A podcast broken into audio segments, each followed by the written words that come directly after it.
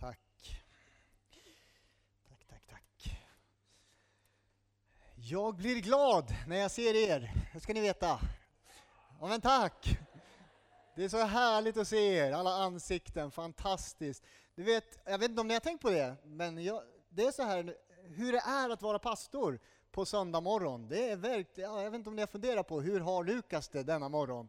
Eh, det kan ni göra ibland. Alltså det kan vara hit och dit och det är massa, det kan vara Ibland vill man inte stå här uppe ens och, och, predika. Och nej, jag vill inte träffa folk. Så kanske ni känner ibland. Och så känner också pastorn. Och så är det söndag och så måste man stå här. Och så måste man stå och prata inför folk. Även om man förkunnar Guds ord så kan det vara jobbigt ibland. Ibland är det med vånda. Ibland är det med glädje. Ibland är man sådär ivrig. När får jag komma upp? För jag vill ha estraden och börja predika. Alltså massor med olika känslor går igenom en pastors eh, liv på söndagen. Precis som för alla människor kanske. Men när man kommer hit så är det ju ändå så att man är bland vänner, man är bland familj. Jag känner att ni är min familj, en större utvidgad familj. Ni är mina vänner. Jag behöver egentligen inte underhålla er. Eh, ni är ingen idoljury här som sitter och bedömer hoppas jag, utan ni är här för ni vill höra Guds ord. Och då, bara i lovsången, bara att se er, så blir man glad. hur det än kändes innan så känns det så gott. När jag står där och hälsar välkommen när ni kommer. Man blir glad av att se er. Nu ber vi en bön för det här ordet. Tackar dig Jesus, tackar dig Herre för den här gudstjänsten. Tackar dig för alla killar och tjejer, kvinnor och män, barn som har kommit idag Herre. Vi vill samlas inför dig Jesus. Vi vill att du tar plats, att du är i centrum Herre. Vill att ditt kors ska lysa på oss Herre. Ditt korsverk, ditt fullbordade verk på korset ska bli tydligt för oss Herre. Allt är fullbordat, Herre. Du har dött, du har uppstått, du har gett oss ett nytt liv. Idag vill vi tacka för frälsningen. Idag vill vi tacka för blodet, Herre. Tack för blodet som räddar oss till ett nytt liv och det gör all skillnad som vi hörde om idag, Herre. Tack Jesus. Tack för att vara inför dig, Herre. Och nu ber jag för det här ordet som jag har fått, Herre, att du ja, hjälper mig lägga fram det på bästa sätt. I Jesu namn. Amen. Amen. Så här är det att eh, jag har undervisat om församlingen jättelänge nu. Och idag så, så bara bryter jag det ett litet tag. Eh, dels för att man kan själv bli lite trött på det där när man håller på med det hela tiden. Så jag ska fortsätta om några veckor om församlingen. Men idag så har jag ett annat ord eh, som jag fick till mig själv och som jag känner jag vill tala ut till er. Hemma hos mig i sommar har det gått en sång. Eh, min son Gideon han älskar musik och har Spotify på sin telefon och han springer runt med den där i fickan hela sommaren och spelar Spotify-listor. Så var han går så låter det olika låtar hela tiden. När han sätter sig i bilen då ska han vara där DJ. Det är han som sköter musiken. Han sitter längst bak i bilen och sköter musiken. Storebrorsorna är inte helt nöjda men han har olika liksom, låtar och det blir liksom Ja, och en låt som har gått hela sommaren, den kommer från en sån här, eh, det är en gammal dansk sång, eller gammal, den är kanske 10, 12, 15 år gammal. Gammal dansk sång som av någon anledning har blivit aktuell igen på grund av ett tv-program som vi som familj har sett. Det är några som är utklädda maskerad, hann är på lördags va? Det är maskerad på scenen och så klär de ut sig och så sjunger de sånger. Eh, och så ska man gissa, vem är det? Har ni sett det? Ja, några har sett det. Jätte, till och med jag tyckte det var kul faktiskt. Ja. Jag brukar inte gilla sådana här program, men av någon anledning så satt jag där med barnen och tittade. Och de hejar ju på voodoo-dockor och, och vad var det mer de var utklädda till? Ja, det var godisgubbar och det var allt möjligt. Och så är det en låt. Och så sjunger dansken ”Jag kallar på dig” sjunger dansken om och om igen. Hela sommaren har dansken kallat på mig. Jag kallar på dig. Jag kallar på dig. Och jag kan inte danska, men jag tog reda på lite vad texten handlar om. Och då är det så här, jag vandrar runt i stan, typ så här, vilse, ehm, eh, utan mål och mening har jag lagt till, det står inte i texten, men jag tänkte det kändes som han var utan mål och mening. Han söker efter den stora kärleken. Vad tjänar allt till? Jag håller på med detta länge. Alltså det är Köpenhamn han beskriver. Han är ute och irrar i Köpenhamn. Jag är som en nattuggla som bara längtar efter, jag jagar ständigt. Kärleken kallar nu, den kallar, eh, i natt kallar du, sjunger han. Och sen ropar han, jag kallar på dig, jag kallar på dig. Och så säger han så här, jag kan inte höra, det är för mycket ljud. Kärleken kallar nu, i natt kallar du. Jag finner dig, jag ser dig, jag kallar på dig. Har ni hört den här sången? Fast på danska? Ja. Eh, den här refrängen kan ni gå hem och lyssna på Spotify nu. Den går hela tiden. Och jag som pastor, vad tänker jag på? Var ska jag komma med det här? Jag tänker på Jesus. Gör ni också det? Ja, när jag hör de här orden, jag tänker på Jesus. Det kan vara pastorskada, jag säger inte att det liksom är normalt när dansken sjunger om det här, om kärlek. Men jag tänker, jag hör Jesu röst, Jesu rop från evangelierna, från Bibeln. Han kallar på mig, han kallar på dig. Han kallar hela tiden på oss därför att han älskar oss. Det här är en kärleksberättelse, en man som söker kärlek egentligen. Men på samma sätt ser jag i Bibeln, hela Bibeln är full av det här budskapet. En Gud som kallar på oss, på dig, för att han älskar dig. Han söker dig mycket mer än vad du söker efter honom, ska du veta. Han längtar efter dig så mycket mer än vad du någonsin kan längta efter honom. Gud han hungrar efter att få vara med dig mycket mer än vad du i ditt liv kan hungra efter honom. Sån är Gud. Han kom till oss, till vår nivå och han söker dig, kallar på dig. Kom, säger han, kom.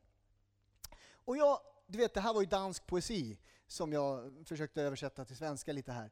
Eh, eller poesi, ja, jag vet inte. Men i varje fall någonting liknande. Och så finns det poetiska böcker i Bibeln. Så mitt i den här församlingsundervisningen så vill jag hamna i en poetisk bok eh, i Bibeln där det finns en liknande poesi. Och jag är Höga Visan idag. Och jag ska komma någonstans med det. Eh, om ni inte har hört någon predikan från Höga Visan förr så ja, grattis. Det här är en fin text. Det här är jättebra. Jag brukar läsa den här med konfirmanderna faktiskt, när vi talar om kärlek. Höga Visan, andra kapitlet ska vi läsa. Och det här är ju kärleken mellan en man och en kvinna som målas upp. Men den har ju såklart någonting med Gud att göra, annars skulle det inte vara i Bibeln. Alla bi bibelböcker handlar om Gud, de handlar om Jesus. Den här texten handlar också om Jesus, om Guds syn på, på kärlek. Jag har tid på mig, så jag läser hela, för det är inte så lång predikan idag, så jag läser hela, hela kapitlet här. Om jag kan se. Jag är en vildros på Sharons slätt en lilja i dalen. Och så säger han så här. Som en lilja bland tistlar är min älskade bland flickor. Och så säger hon så här. Som ett äppelträd i skogen är min vän bland de unga männen. Jag njuter av att sitta i dess skugga. Dess frukt är söt för min gom. Han för mig till vinhuset under sin kärleks fana. Styrk mig med druvkakor, vederkvick mig med äpplen. Jag är sjuk av kärlek. Det är nog många som känner av. Mitt huvud vilar mot hans vänstra arm, hans högra omfamnar mig. Jag besvär er, Jerusalems döttrar, vid fältens gaseller och hindar, stör inte kärleken, väck den inte förrän den själv vill. Hör, min vän kommer, där är han. Han springer över bergen, ni måste se det här framför er va? Han springer över bergen, han dansar fram över höjderna. Min vän är likt en gasell, likt en unghjort. Där står han vid vår gavel, spanar genom fönstret, tittar in genom gallret. Min vän säger till mig, så säger han så här, Kom min älskade, min vackra flicka, kom ut. Vintern är över. Och när jag läser det här, då är det för mig, det blir så tydligt, det är profetisk text. Vintern är över. Vintern är över. Regntiden är förbi. Marken täcks av blommor, sångens tid är inne. Turturduvor hörs i vårt land, fikonträdet får kart, vinstocken går i doftande blom. Kom min älskade, min vackra flicka, kom ut. Min duva bland bergets klyftor, i klipphyllans gömsle, låt mig se dig, låt mig höra din röst. Din röst är ljuv, din gestalt så skön. Fånga rävarna åt oss. Det är någon kör i mellanspel här. De sjunger här. Fånga rävarna åt oss. De små rävarna som härjar i vingårdarna. Vår vin, våra vingårdar som går i blom. Och så fortsätter hon. Min vän är min, jag är hans. Han som vallar sin jord bland liljor. Tills vinden vaknar och skuggorna flyr. Ströva omkring min vän som en gasell, som en unghjort på de krydddoftande bergen. Det är Bibeln. Det här är poe poesi, poetisk skrift. Det handlar om en man och en kvinna såklart. Det börjar som ett ungt par i den här texten, som ett ungt par som längtar efter varandra. De längtar efter att få vara med varandra. Och han, mannen i texten, börjar uppvakta henne. Han vill liksom locka henne. Han vill få henne in i sitt liv och bli, eh, och att de ska inleda någon form av kärleksrelation, tänker jag. Han står utanför hennes hus, står det. Han stod vid gaven, läste jag. Han står vid gaven och spanar in genom fönstret, nästan som en stalker. Han är liksom på gång här, han vill vara nära henne. Han står där och spanar genom hennes fönster. Det är inte att rekommendera, kära herrar som inte har någon flickvän. Stå inte utanför fönstret och häng. Men han står där. Och hon har sett honom komma på berget som en gasell, som är ståtlig, smidig, stark. Ni ser, det väcker liksom känslor mellan dem. Hon längtar efter honom. Hon vill liksom vara nära honom. Och jag tänker så här, det här är en kärlekshistoria som utspelar sig och kärlek det är riskabelt därför att hon bor just nu hemma i sin familj. På den tiden gjorde man det. Då bodde man hemma tills man träffade en man och flyttade hemifrån och flyttade ihop och gifte sig. Och så här. Hon bor hemma, hon lever under sina föräldrars beskydd, sin pappas beskydd, sina bröders beskydd. Och så står en ny man där och börjar locka på henne. Kom ut, kom och var med mig istället. Jag tänker hon är inte riktigt redo. Hon tvekar säkert. Hon lever ju där under, det är tryggt. Eh, ska hon våga lämna det trygga, tänker jag när jag läser texten. Ska hon våga lämna och följa den här mannens röst? Tänk om det inte funkar. Så är det alltid. När jag har stått i Ska vi bli tillsammans? Tänk om det inte funkar. Tänk om det går åt skogen. Tänk om det här händer. Ja, man, man målar upp alla möjliga. Eller så kan man bara dras med i kärleken och så, ja, ni vet. Men tänk om det inte funkar. Tänk om man inte är underbar som man verkar. Tänk om man bara utnyttjar henne då kan man inte gå tillbaks hem kanske sen. Men så börjar han ropa. Och det är då jag hör Jesu röst i den här texten faktiskt. Jag hör rösten från Jesus. Han ropar, ett, ett rop från Gud egentligen, från Guds hjärta till dig och mig. Han ropar kom min älskade, kom min flicka, vackra flicka, kom ut. Vintern är förbi. Har du upplevt vinter i ditt liv just nu? Det har varit kallt, det har varit mörkt, det har dragit, det har varit regntid, Det har liksom varit kallt i ditt hjärta, i ditt liv, så är det en text som talar om den tiden är förbi. Det är tid för att växa, det är tid för att blomstra, det är tid för att sjunga en ny sång i ditt liv, i ditt hem, i din familj. Det liksom har varit en gnällig sång kanske en tid. Det kanske har varit en jobbig sång. Där hemma har det inte låtit gott. Det texten säger, kom ut ur detta. Det är en dags för en ny sång i ditt hem, i ditt hus. En sång vill han lägga på ditt hjärta. Kom min älskare, kom ut. Alltså det din själ längtar efter, det varje människas själ längtar efter, det finns hos Jesus ska jag säga. Om Rado sa det så säger jag det också. Vad kan rädda de här romerna? Ja, det är bara Jesus som kan rädda. Vad kan rädda din själ? Det är bara Jesus som kan rädda. Alltså det din själ längtar efter, det finns hos Jesus. Han vill värma dig. Det är liksom den här tiden av isolering är över hålla dig borta, fruktan ska, nu ska det vara över. Han vill värma ditt frusna hjärta och på nytt tända den första kärleken till honom. Om du inte tror på Gud så, och råkar vara här av någon anledning så kan jag bara säga så här, ja, men ta den här texten och låt det liksom vara i din relation med, med om du lever tillsammans med någon. Alltså det här går att ta i, i, i mänskliga relationer också. Liksom låt han, hjärtan bli frusna i äktenskap också. Hjärtan blir hårda i relationer. Låt det där liksom tina, låt en ny sång komma, låt ett nytt tilltal komma mellan dig och din man eller dig och din hustru. Nya ord i ert hem. Kärlek, det är att riskera. Har du tänkt på det? Jag har sagt det här förut, men du vet när jag när jag bjöd upp Jenny Karlsson till dans. Finns det någon Jenny Karlsson här eller? Nej, bra. Det hade varit väldigt pinsamt. I varje fall, jag, bjöd, jag gick i femman, jag bjöd upp Jenny Karlsson till dans, jag har sagt det förr till ungdomarna. Men, men hon stod där på andra sidan, vi var på skoldans. Och Jenny Karlsson var jättefin, han hade fräknar, han hade snedlugg så här hade man, tjejerna på den tiden. Mycket hårspray. Och så tjong, stod luggen så här. Jättefint. Eh, I varje fall, hon stod på andra sidan. Och, och fröknarna hade sagt åt oss, de var där på skoldansen. Eh, man kanske inte har skoldans längre i mellanstadiet. Det var, ja, vi hade det, man käkade massa godis och så lärde fröken oss hur man dansar och bjuder upp. Så skulle vi bjuda upp i varje fall, det här var i Enköping. Eh, och så går jag över till Jenny Karlsson och så bjuder jag upp, ska vi dansa? Och Jenny Karlsson, hon säger ingenting. Hon springer ut i rummet, bort ifrån mig. Alltså, kär, att bjuda någon till dans, att älska, det är att riskera. Det är att riskera att man får ett nej. Jag fick inte ens ett nej. Tänk om man hade sagt ja då hade jag kramat min stora kärlek Jenny Karlsson. Jag hade känt hur hon luktade och doftade så gott, denna vackra flicka. Men hon flyr rummet, för hon vill inte dansa med mig. Så här är det ju. Att kärlek är att riskera. Om tro stavas risk så ska jag säga kärlek stavas risk. Man riskerar att inte få något gensvar.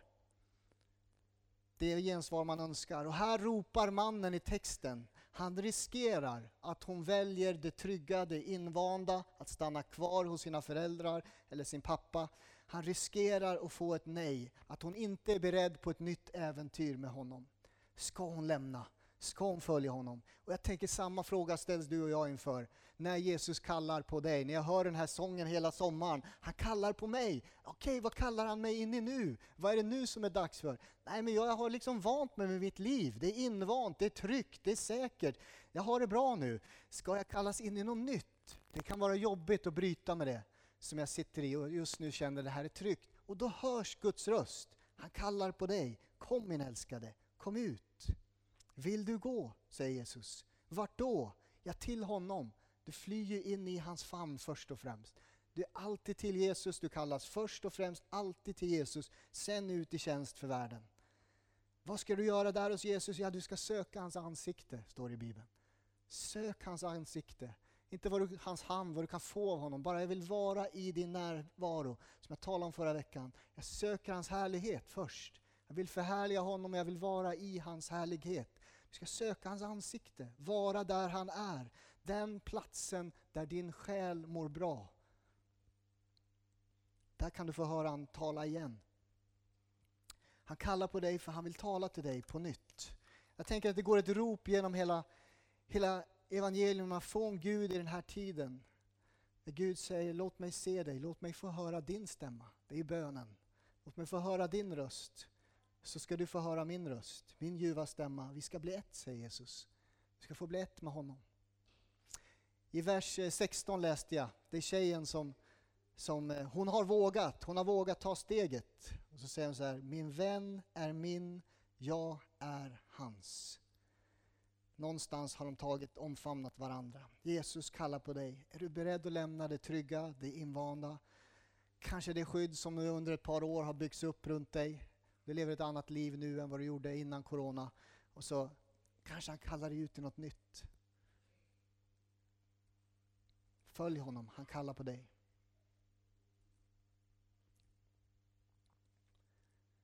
Jag hör egentligen samma röst i evangelierna.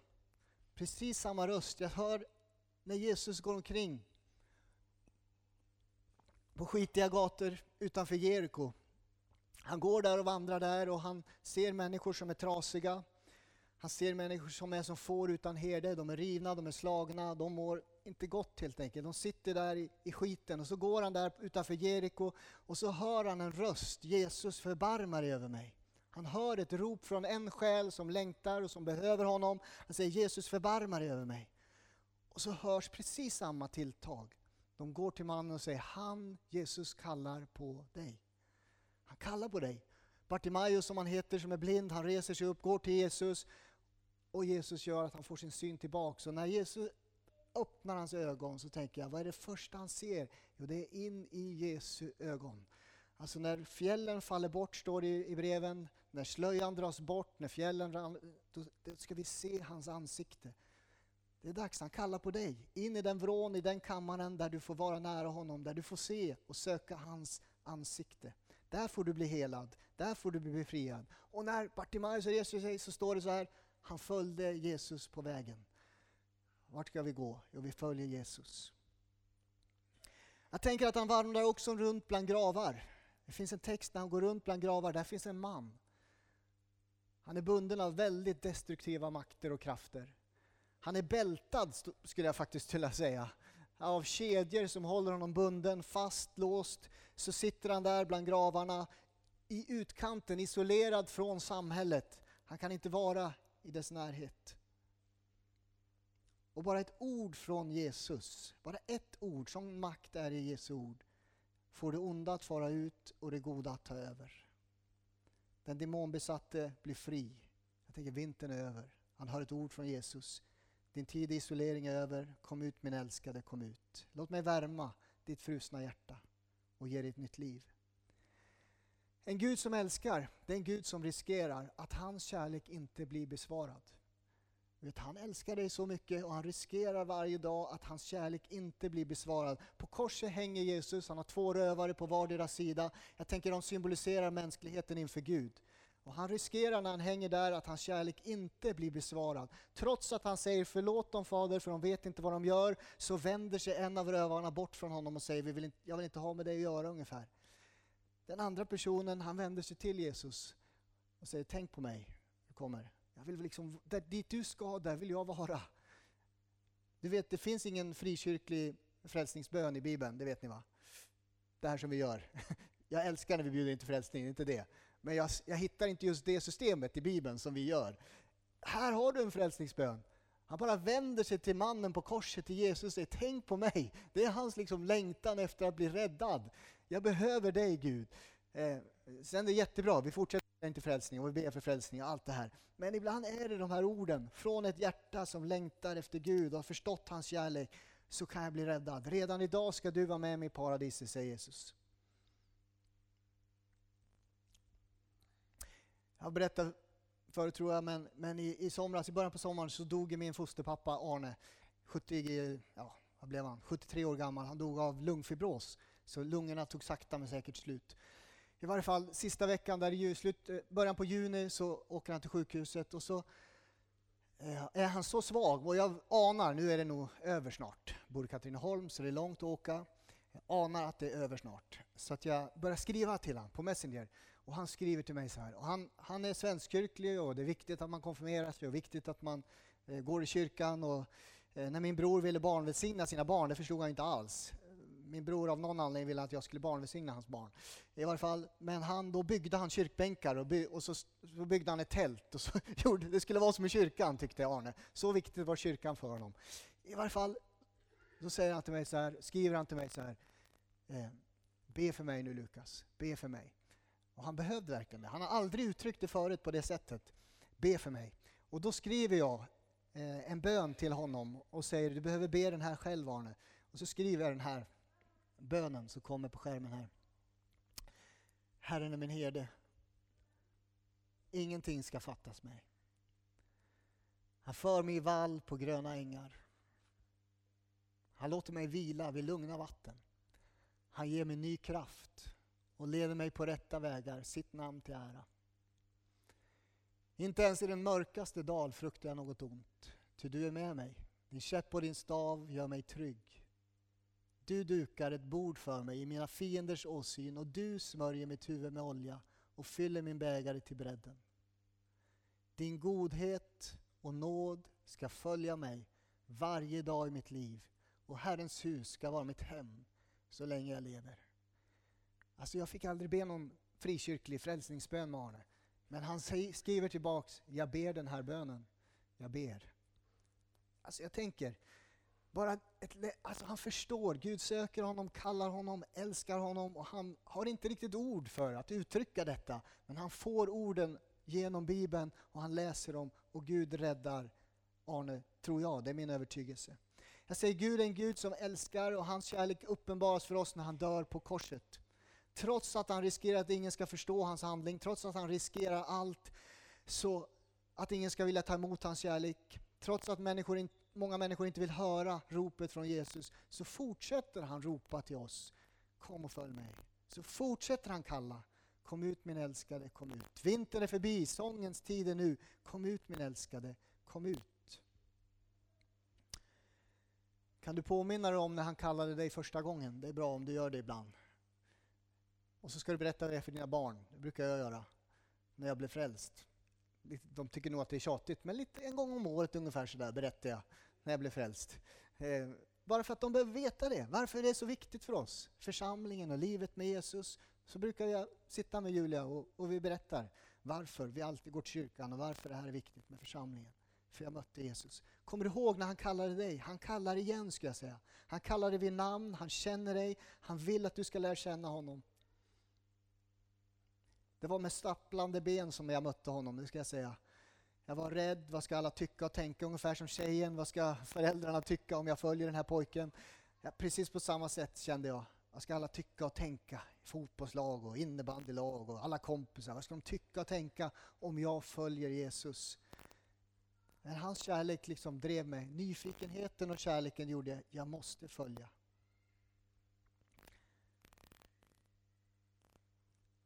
Du är här idag. Grattis ska jag säga.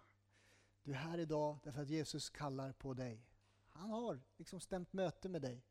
Varje gång innan gudstjänst så ber jag att de som kommer eh, ska få känna sig att de kommer till Jesus och får ett möte med honom. Att du inte ska känna dig som en besökare utan att du kommer hem och du får möta Jesus här. Jesus kallar på dig. Vi ska få lyssna på en sång om detta. Välkommen fram. ska vi be en bön. Tackar dig Jesus. Tackar dig för ditt ord Herre som är så vackert, som beskriver din oerhörda kärlek för oss Herre. Hur du hela tiden söker och kallar oss att följa dig Jesus. Tack för var och en som är här Herre. Att du har ett ärende till var och en Jesus. Du kallar var och en här att följa dig i den här tiden Herre. Tack Herre. Tack att bara ett ord från våra läppar. Tänk på mig Jesus, eller får jag vara med dig Jesus, så kommer du till oss Herre. Du rör vid oss. Du tränger inte på men du knackar ständigt på våran hjärtas dörr Herre. Du vill vara med oss. Vi vill vara med dig Jesus. Herre, jag ber att det blir en tid när vi får söka ditt ansikte som församling Herre. Söka din härlighet, din ljuvlighet. För du är vacker. Du är så god mot oss Herre. Tack Jesus. I Jesu namn.